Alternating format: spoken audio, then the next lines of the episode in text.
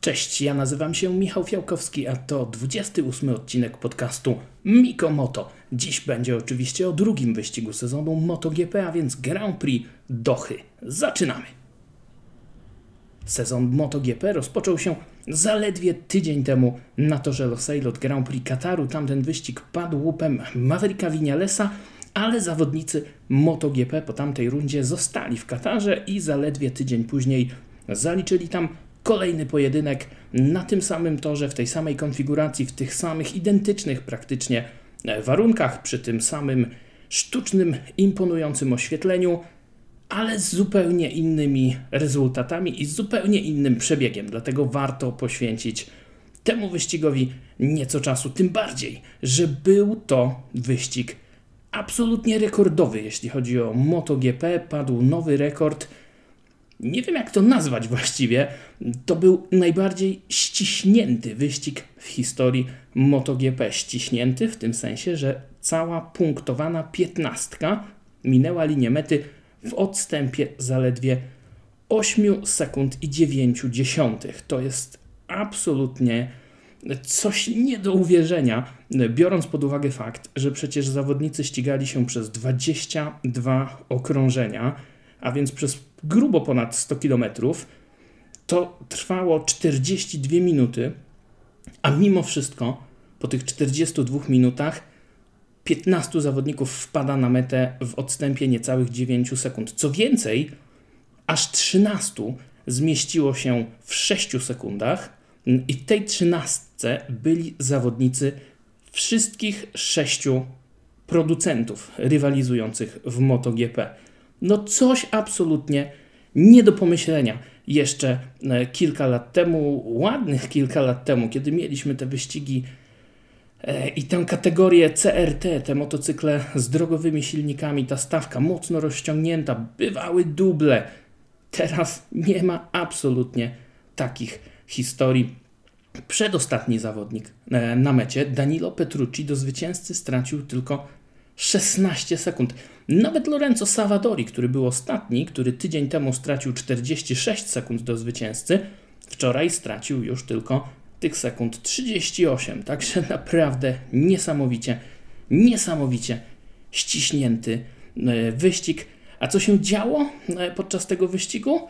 Z pole position startował e, debiutant, Hiszpan Jorge Martin z zespołu Pramac Ducati w swoim zaledwie drugim starcie w MotoGP.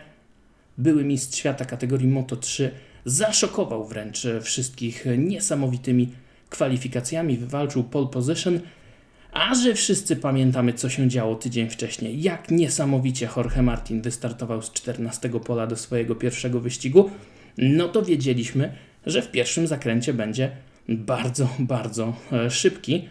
Pytanie, czy utrzyma tempo na dystansie całego wyścigu, bo swój pierwszy start w MotoGP zakończył na 15 pozycji z jednym punkcikiem 16 sekund za zwycięzcą. Nie miał takiego e, tempa wyścigowego. On sam mówił w sobotę po kwalifikacjach, że liczy na pierwszą szóstkę, że jest debiutantem. A co się stało? Jorge Martin po starcie wystrzelił na czoło stawki i prowadził przez 18 z 22 okrążeń. I teraz pewnie ktoś sobie pomyśli, no tak, prowadził, bo mu pozwolili, bo pewnie oszczędzali opony, bo było tyle problemów z tymi oponami tydzień wcześniej. Absolutnie nie, bo ten wyścig był o 4,6 sekundy szybszy niż ten wyścig sprzed tygodnia, a warunki były dokładnie takie same. Taka sama temperatura, taki sam wiatr, nic się nie zmieniło. Oczywiście, większe doświadczenie zawodników, wyciągnięte wnioski z pierwszej rundy, wnioski z testów, tempo było szybsze. To naturalne, ale to jak długo prowadził Jorge Martin, naprawdę, naprawdę coś imponującego, ale nie wygrał. Wygrał ktoś zupełnie inny. Zawodnik Yamahy, fabryczny zawodnik Yamahy, tak jak tydzień wcześniej, ale tym razem nie był to Fabio, e, nie był to Maverick Vinales, był to właśnie Fabio Quartararo. E, Fabio Quartararo, który powiedział e, po wyścigu, że mocno analizował to wszystko, co działo się podczas Grand Prix Kataru i doszedł do wniosku, że pojechał w tym pierwszym wyścigu sezonu jak kompletny amator, bo e, zupełnie nie bawił się z elektroniką, zupełnie e, nie bawił się z mapami zapłonu, nie przestawiał sobie tego wszystkiego, nie zmieniał, tylko jechał. Bez sensu zużywał opony w miejscach, w, którym, w których to nic nie dawało, nie eksperymentował właśnie z tymi wszystkimi elektronicznymi pomocami, no i ostatecznie wtedy był piąty na mecie. Tym razem pojechał zupełnie inaczej, mimo że początek wyścigu był zupełnie inny niż ten sprzed tygodnia, bo wtedy mieliśmy na czele no właśnie fabryczne motocykle e, Ducati, Yamaha tam się szybko wtedy też dobiły i mieliśmy fajną walkę. Teraz było zupełnie inaczej, na czele motocykle Pramac Ducati, za nimi Aleix Espargaro, przez chwilę też Miguel Oliveira po kapitalnym starcie na KTM z 12 e, na trzecie miejsce, e, a fabryczny duet Yamaha i fabryczny duet Ducati, ci czterej zawodnicy zajmowali na początku wyścigu cztery ostatnie miejsca w pierwszej dziesiątce. No i to było zaskakujące. Ale w drugiej połowie wyścigu ta sytuacja się zmieniła. Fabio, Fabio Quartararo zaczął się bawić z całą tą elektroniką, wystrzelił e, na prowadzenie. E, najpierw zaatakował e, Jorge Martina w ostatnim zakręcie na 18 kółku, no ale nie tylko Martin odebrał mu to pierwsze miejsce, jeszcze też Joan Zarco go tam kąsał na drugim bardzo mocnym Ducati ale po chwili Fabio Quartararo zaatakował raz jeszcze i w tej krętej sekcji toru e, Losail wypracował sobie na tyle dużą przewagę, że już na finiszu e, nikt nie był w stanie go e, zaatakować i Zarko z Jorge Martinem musieli bronić się tam przed atakami Mavericka Vinalesa. Quartararo trochę odskoczył i tam jeszcze była taka sytuacja na ostatnim kółku, że w połowie okrążenia wjechał w jakiś kawałek karbonu, który komuś wcześniej odpadł. No i pomyślałem sobie wtedy, powiem Wam szczerze, o tym, e, co się przydarzyło e, George'owi Russellowi w Formule 1 w Bahrajnie w zeszłym roku, kiedy miał e, przybitą oponę, ale na szczęście nic takiego się nie stało. Fabio Quartararo dowiózł to zwycięstwo do mety.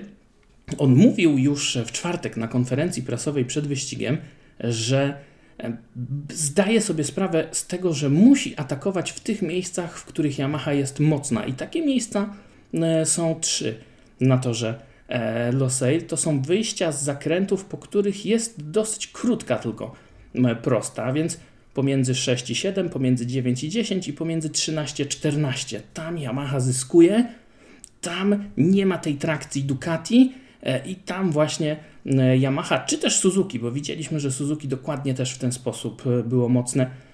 Tam oni zyskiwali, no i nie tylko Fabio Quartararo też e, wyprzedzał w tych miejscach, bo również robił to Juan Mir, do czego dojdziemy e, za chwilę. E, Fabio Quartararo też miał ciekawą przygodę w sobotę podczas kwalifikacji.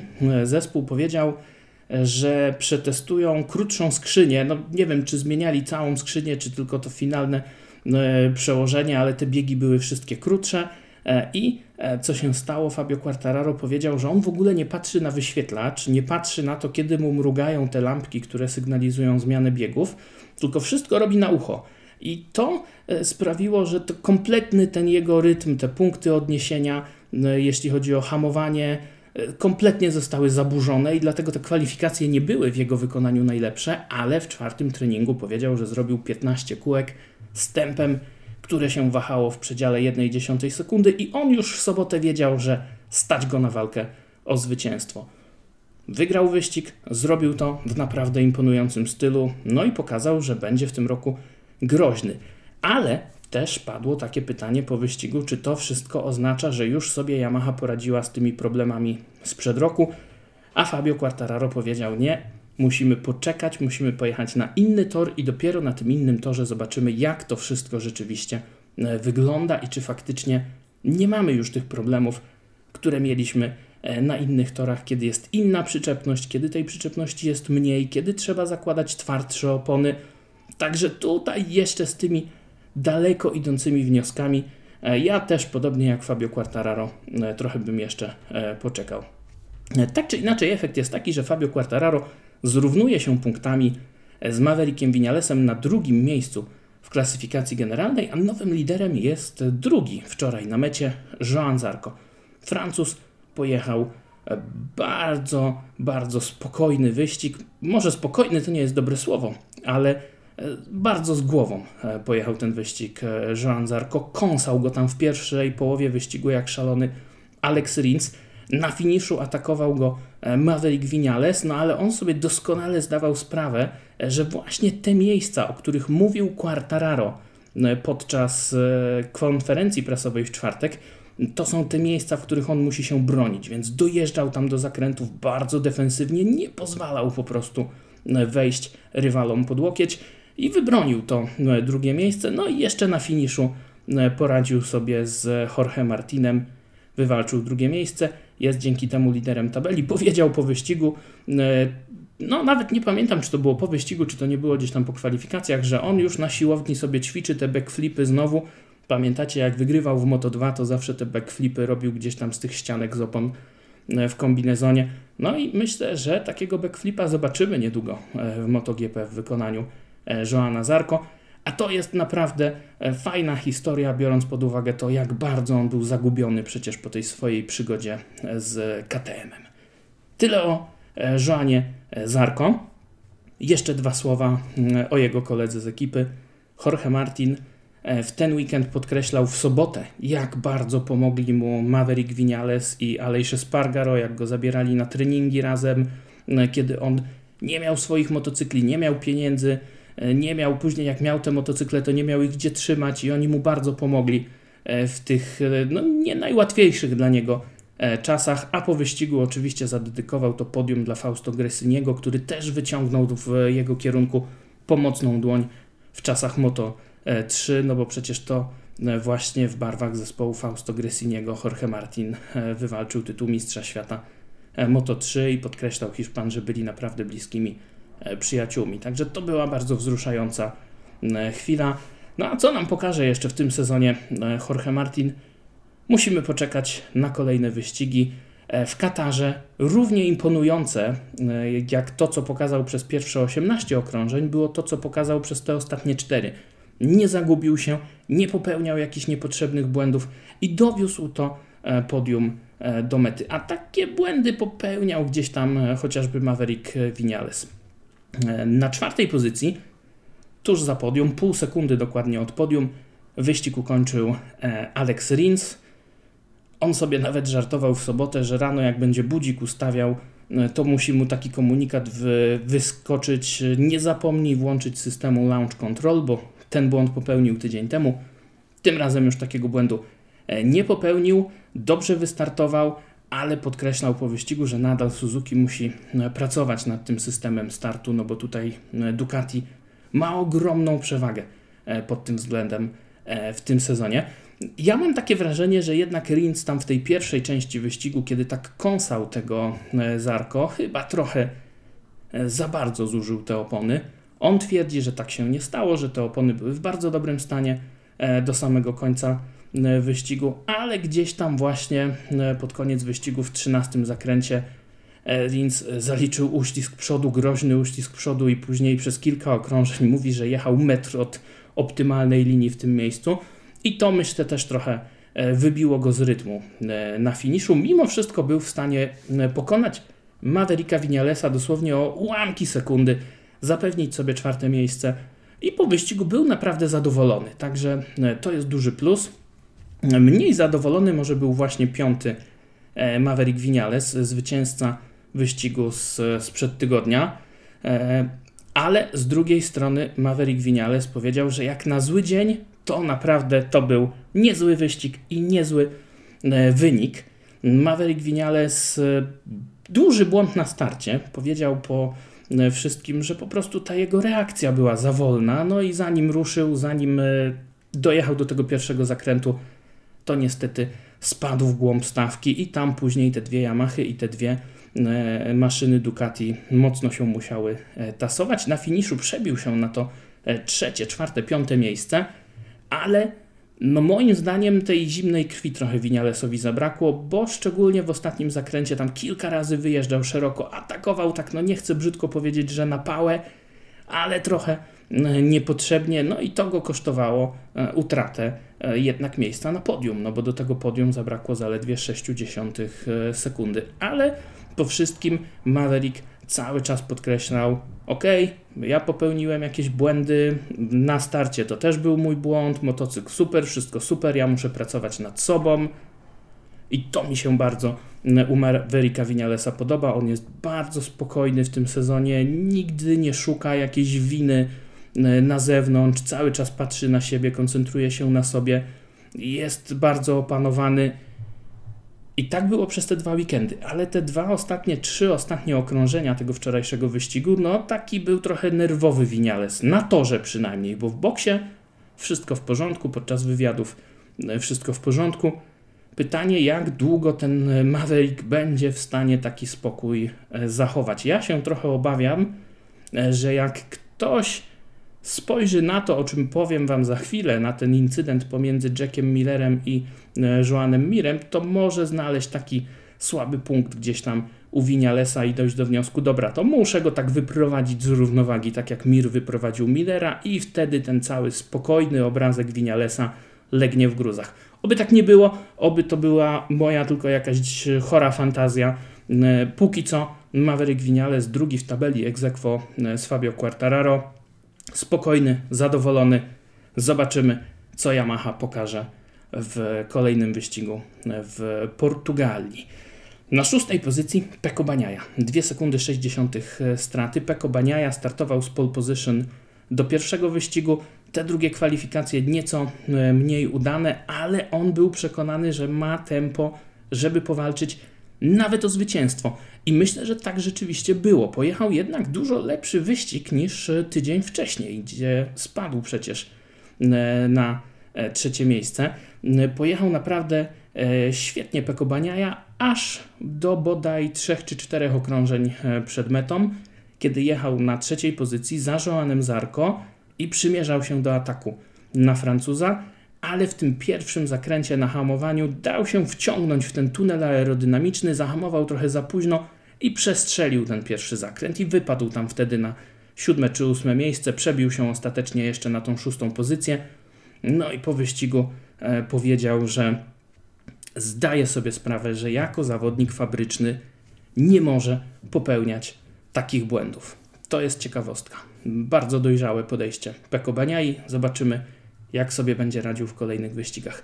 Na kolejnej pozycji, na siódmym miejscu, e, Juan Mir, 2 e, sekundy, nie, przepraszam, 4 sekundy i 80 straty mm, do zwycięzcy. No i Juan Mir, obrońca tytułu, e, znów musiał się przebijać przez Q1 do Q2.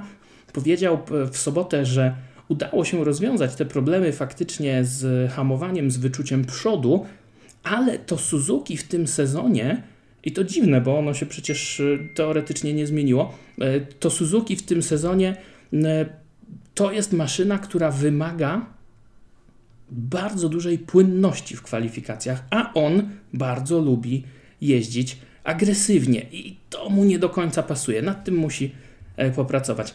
No a jak agresywnie lubi jeździć Joan Mir, to widzieliśmy podczas wyścigu. E, bo w pewnym momencie w dziesiątym zakręcie Jean Mir zaatakował Jacka Millera. To jest to, o czym mówiłem e, wcześniej.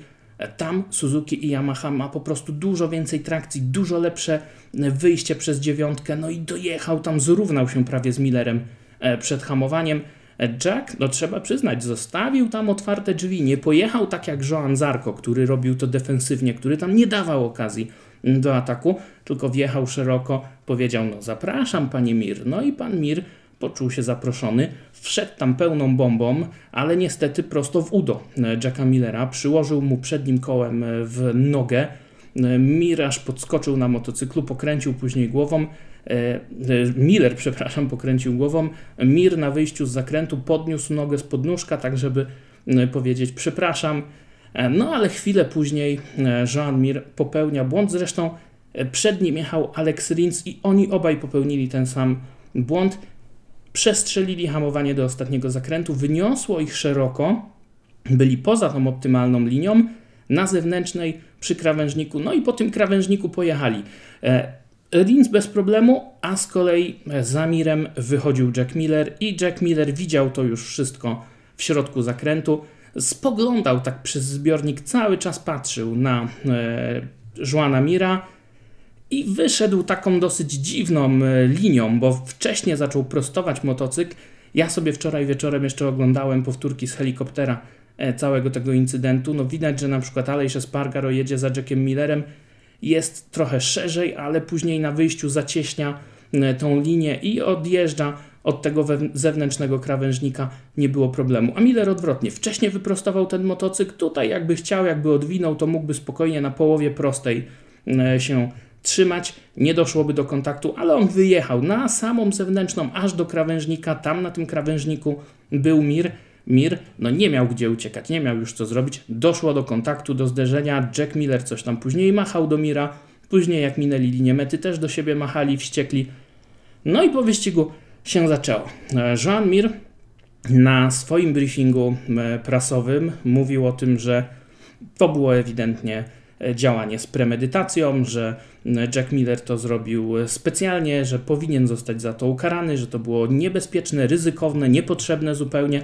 No i powiem Wam szczerze, ja się z tym absolutnie zgadzam. No druga strona medalu jest taka, że Jean Mir wybił tego Millera biednego, w cudzysłowie biednego, z równowagi tym swoim atakiem e, w zakręcie numer 10. Ale Jack Miller tłumaczy się tak. Mówi, tam były no, trzy kontakty podczas tego wyścigu. Był kontakt w szóstce, w drugim zakręcie zaraz po starcie był e, kontakt. No ja przeglądałem sobie znów powtórkę e, startu na MotoGP.com z kamery onboard właśnie na motocyklu Joana Mira i tam absolutnie nie było żadnego kontaktu w drugim zakręcie. W tej szóstce też nie udało mi się e, niczego znaleźć, więc na pewno nie było trzech kontaktów, e, może były faktycznie jakieś dwa, ale mimo wszystko. Nic nie usprawiedliwia e, takiej jazdy Jacka Millera. Dyrekcja wyścigu uznała, że sprawy nie było, że tutaj żadna kara się nie należy. Jack Miller się z tym zgadza, mówi no z jakiej racji, jaka kara. Ale ja mam takie wrażenie, że te wszystkie wypowiedzi Jacka Millera to jest taka psychologiczna e, zagrywka. Niestety e, nie udało mi się dostać na briefing prasowy wczoraj z Jackiem Millerem. Nie wiem dlaczego nie mogłem się zalogować na tego Webexa, którego organizuje zawsze Ducati. No bo chciałem zapytać, to, to jedno pytanie chciałem zadać. Czy to, e, co zrobił Jack Miller, czy zrobił to z premedytacją? Niestety nikt z obecnych dziennikarzy nie zadał tego pytania i wielka szkoda. Pewnie Jack Miller tam by się jakoś miotał, plątał i opowiadał E, pokrętnie na to pytanie, ale już sama jego reakcja, samo jego zachowanie e, byłoby bardzo, bardzo e, wymowne. Tak czy inaczej, moje zdanie na, na temat całej tej historii jest takie. Hmm, słuchajcie, jeżeli Joan Mir takim jednym stuknięciem w kolano tak wyprowadza Jacka Millera z równowagi, że Miller robi takie rzeczy, to jak wróci Marquez, to ten Marquez tego Millera po prostu pożre żywcem i zrobi mu jeden, drugi taki numer, że Jack wysiądzie całkowicie i się po prostu mentalnie spali. I teraz jest piłeczka po stronie Ducati, po stronie e, Ciabatiego, Tardociego, e, Dalini, żeby usiedli z Millerem, powiedzieć: Chłopie, ogarnij się, uspokój się, nie rób takich rzeczy, to jest kompletnie do niczego e, niepotrzebne. Bo ja mam poczucie, że Mir zupełnie się tym nie przejął i to spłynie po nim jak po kaczce, mimo że jego menadżer Paco Sanchez wściekły był wczoraj w Katarze, także na dyrekcję wyścigu, że nie było za to kary. Natomiast zupełnie nie rozumiem tego zachowania Jacka Millera i myślę, że jednak tutaj ta presja, no bo już przecież przed pierwszą rundą w Katarze wszyscy chcieli mu dać tytuł Mistrza Świata. Ja też mówiłem, że to się nie może skończyć inaczej jak zwycięstwem Jacka Millera, a tu proszę, mamy parę E, dziewiątych miejsc, co jest wynikiem naprawdę mocno poniżej oczekiwań. Nierówną jazdę w treningach, wywrotki, nerwowe zachowanie po kwalifikacjach, gdzie rzucał rękawicami w garażu w sobotę. No dziwne to jest. Może jednak sobie Jack Miller z tą rolą lidera Ducati e, nie radzi, ale to wcale nie musi być dla niego największy problem, bo jak się okazuje na ostatnich okrążeniach tego e, wczorajszego wyścigu, Jack Miller nie czuł prawej ręki i powiedział po wszystkim, że on już miał problem z tym tak zwanym syndromem pompującego przedramienia, czyli e, tą sytuacją, kiedy tkanka wokół mięśni przedramienia nie chce się rozrastać, te mięśnie uciskane drętwieją, nie ma tam przepływu krwi. Zazwyczaj trzeba to operować, ponacinać tę tkankę, pozwolić tym mięśniom się trochę rozejść. Jack Miller mówi, że miewał już w przeszłości takie problemy, zazwyczaj właśnie na początku sezonu. E, I to się udało różnymi E, zabiegami, jakąś akupunkturą, jakimiś masażami, elektrostymulacją udało się to poprawiać, ale teraz mm, to nie działa i trzeba operacji, trzeba pojechać do Barcelony, do tej słynnej kliniki Dexeus i tam poddać się operacji. Pytanie, czy będzie na to czas, bo kolejny wyścig w Portugalii już za niecałe właściwie dwa tygodnie. Także no, trudne chwile ma Jack Miller. On był na mecie wczoraj na dziewiątym miejscu, dwa oczka za Mirem. Pomiędzy nimi finiszował Brad Binder, e, który no jeszcze wcześniej mówił, że to aż go w brzuchu skręca, jak sobie pomyśli, że dziesiąte miejsce to może być dobry wynik. E, był ósmy i po wyścigu powiedział tak. Nie cieszę się z tego, e, że zająłem to ósme miejsce, ale cieszę się jak na te okoliczności, że ten wyścig potoczył się tak, a nie inaczej i tutaj tylko 5 sekund straty ostatecznie E, na mecie, więc to jest naprawdę całkiem, całkiem niezły e, rezultat dla e, Brada Bindera. Oczywiście wszystkie KTM-y przez cały ten pobyt w Katarze miały duże problemy z oponami. Miękka mieszanka kompletnie nie pasuje do tego motocykla. No i oni wszyscy liczą, że inaczej będzie już na kolejnych rundach. Zresztą wszyscy czterej zawodnicy KTM-a skorzystali w Katarze z pośredniej przedniej opony, która wcale też im jakoś specjalnie nie odpowiadała. No ale mówili, że ten miękki przód po prostu po 10 okrążeniach ma dosyć i nie nadaje się absolutnie e, do e, niczego. Także zobaczymy, jak to będzie w kolejnych wyścigach. Ja jednak liczę, że będzie lepiej. Patrząc na to, no, jak mała była ta strata do zwycięzcy, e, no to jednak jestem spokojniejszy niż po pierwszym wyścigu tego sezonu, jeśli chodzi o KTM-a. No i także jestem spokojny, jeśli chodzi o Aprilię. Aleix Espargaro, świetny start do wyścigu, jechał długo na trzeciej pozycji, walczył tam o podium, na finiszu trochę stracił, ale później jakby się odbudował i nadal tam e, walczył o te wysokie miejsca. Ostatecznie był dziesiąty, ale stracił tylko 5 sekund do e, zwycięzcy i on po wyścigu powiedział, że tracił czas na długich prostych, że jednak tej mocy brakuje na długich prostych ale jak będziemy mieli wyścigi na krętych torach, to on jest pewien, że będzie walczył o podium. I to bardzo, bardzo e, mnie cieszy. Był też pytany wiele razy przez ten weekend Aleix Espargaro o, o e, Andrea Dovizioso, o te jego testy, o to, czy jest potrzebny drugi zawodnik do rozwoju tego motocykla. On to wszystko tak zbywał, mówiąc: Nie, nie, nikogo Aprilia nie potrzebuje, oni wiedzą, co mają robić, ja tutaj już im powiedziałem, ja im wystarczę. To takie mam wrażenie, że trochę czuję ciśnienie Alejsz, e, jeśli chodzi o Dovizioso, ale to chyba tylko może wszystkim wyjść na dobre i ja nadal mam nadzieję, że tego Dovizioso zobaczymy w Aprili na pełen etat już niedługo. To by było na tyle, jeśli chodzi o pierwszą dziesiątkę. Jedenasty był Enea Bastianini, e, który jak się okazuje miał dosyć nietypowy problem. Włosy zaczęły mu zjeżdżać na oczy.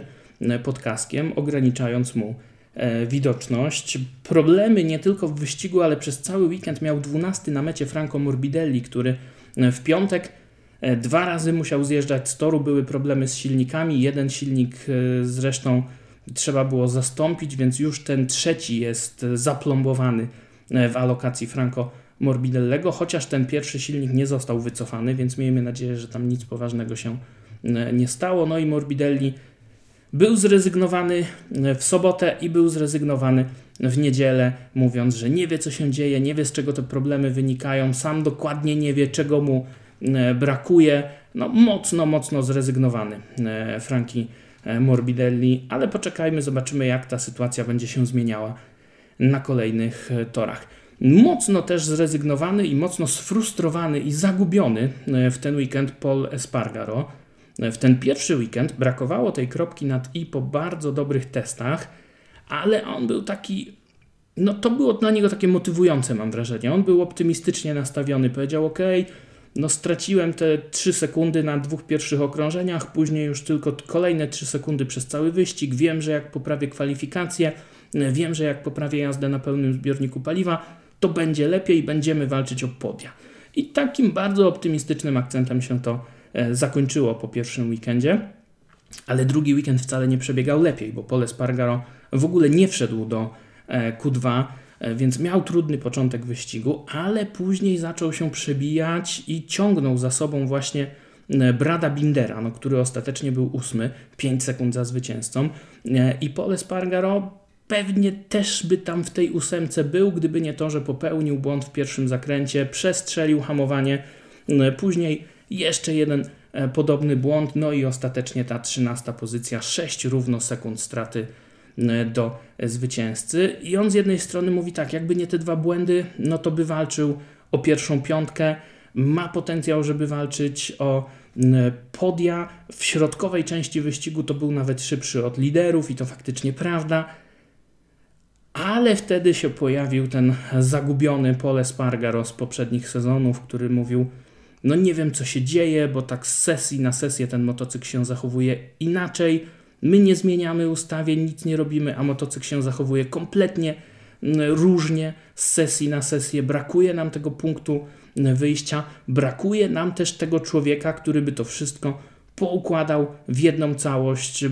Ciągle inne problemy, brakuje stabilizacji, brakuje Marka Markeza, żebyśmy my się w Hondzie mogli od niego uczyć. Także no trochę mniej takiego optymizmu u e, Pola Espargaro i to, to trochę smutne, ale dajmy mu czas, poczekajmy. Pamiętajmy, że zawodnicy mieli tylko te 4 dni testowe zimą E, żeby się z tymi motocyklami zapoznać, a mimo wszystko ten poziom jest kosmiczny e, po tych dwóch wyścigach.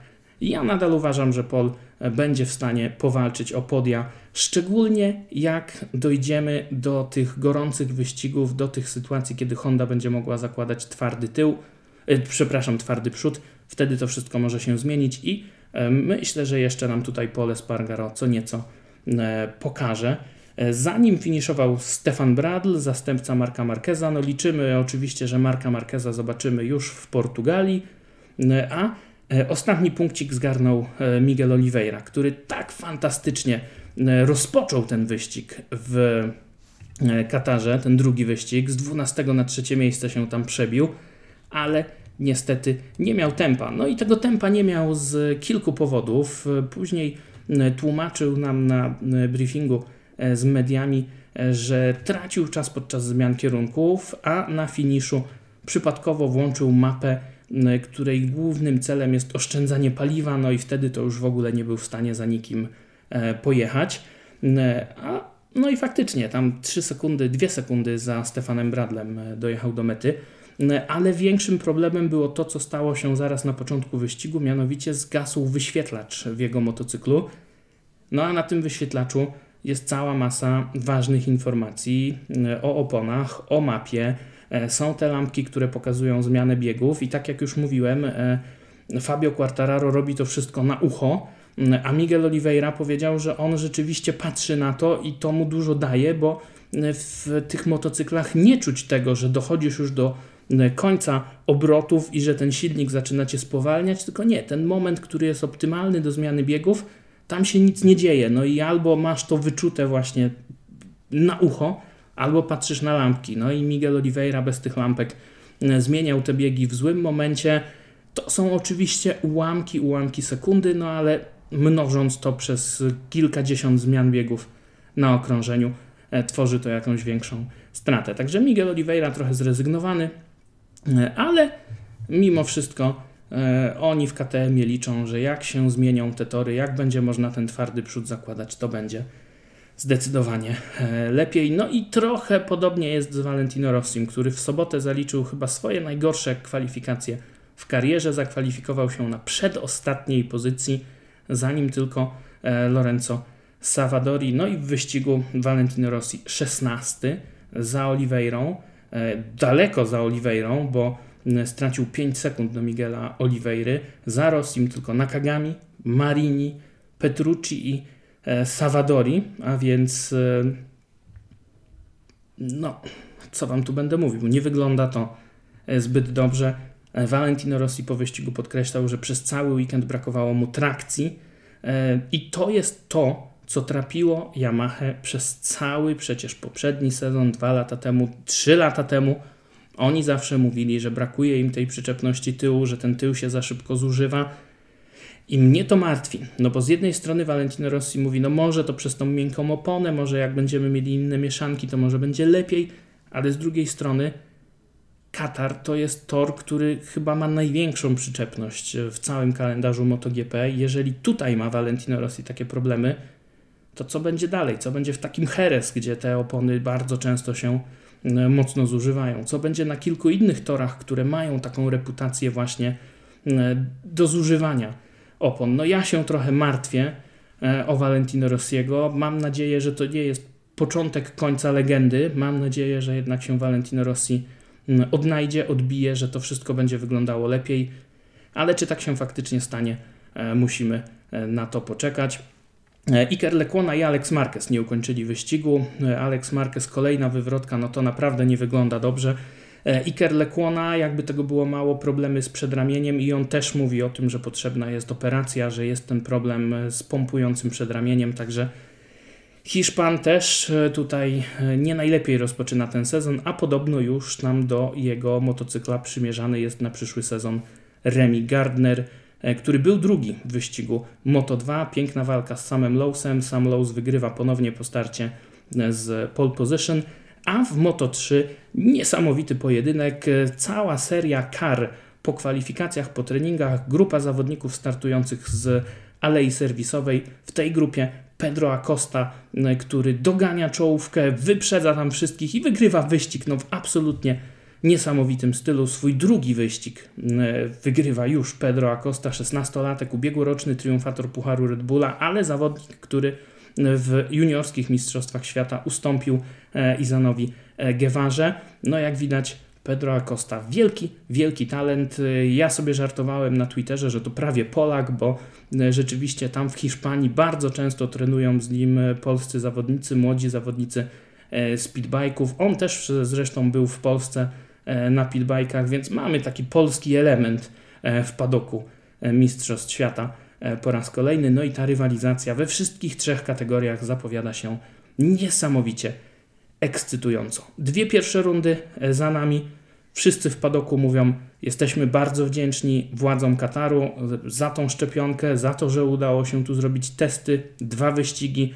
Wszystko poszło sprawnie, wszystko poszło świetnie, no ale nie możemy się już doczekać, aż z tego Kataru wylecimy. No i faktycznie po 35 dniach, dzisiaj rano, cały padok już z tego Kataru odleciał. No oczywiście niektórzy tam w przerwie pomiędzy testami a pierwszą rundą e, wrócili do Europy, ale też byli tacy, którzy ponad miesiąc siedzieli w Katarze. No mogli się delektować oczywiście piękną bliskowschodnią pogodą, szczególnie dzisiaj patrząc za okno w Polsce, ale jednak już trochę wszyscy mieli tego toru Losail dosyć. Nie mamy za to dosyć. MotoGP za dwa tygodnie, 16-18 kwietnia, kolejna runda Grand Prix Portugalii. Rok temu ta runda kończyła sezon, wygrał Miguel Oliveira i Miguel Oliveira powiedział: Pojechałem w tym wyścigu jak Jorge Martin przed tygodniem. No to jak w następnym wyścigu pojadę jak Jorge Martin dzisiaj, to może być dla mnie całkiem niezły wyścig. Czy tak się stanie? Dowiemy się już niedługo. Ja Wam bardzo dziękuję. Pamiętajcie, proszę, lajkujcie, komentujcie, subskrybujcie. Dajcie znać, czy Wam się podobało, czy nie, czego chcecie więcej, czego chcecie mniej. Słyszymy się po Grand Prix Portugalii, a dzisiaj już dziękuję Wam za uwagę. Do usłyszenia. Cześć.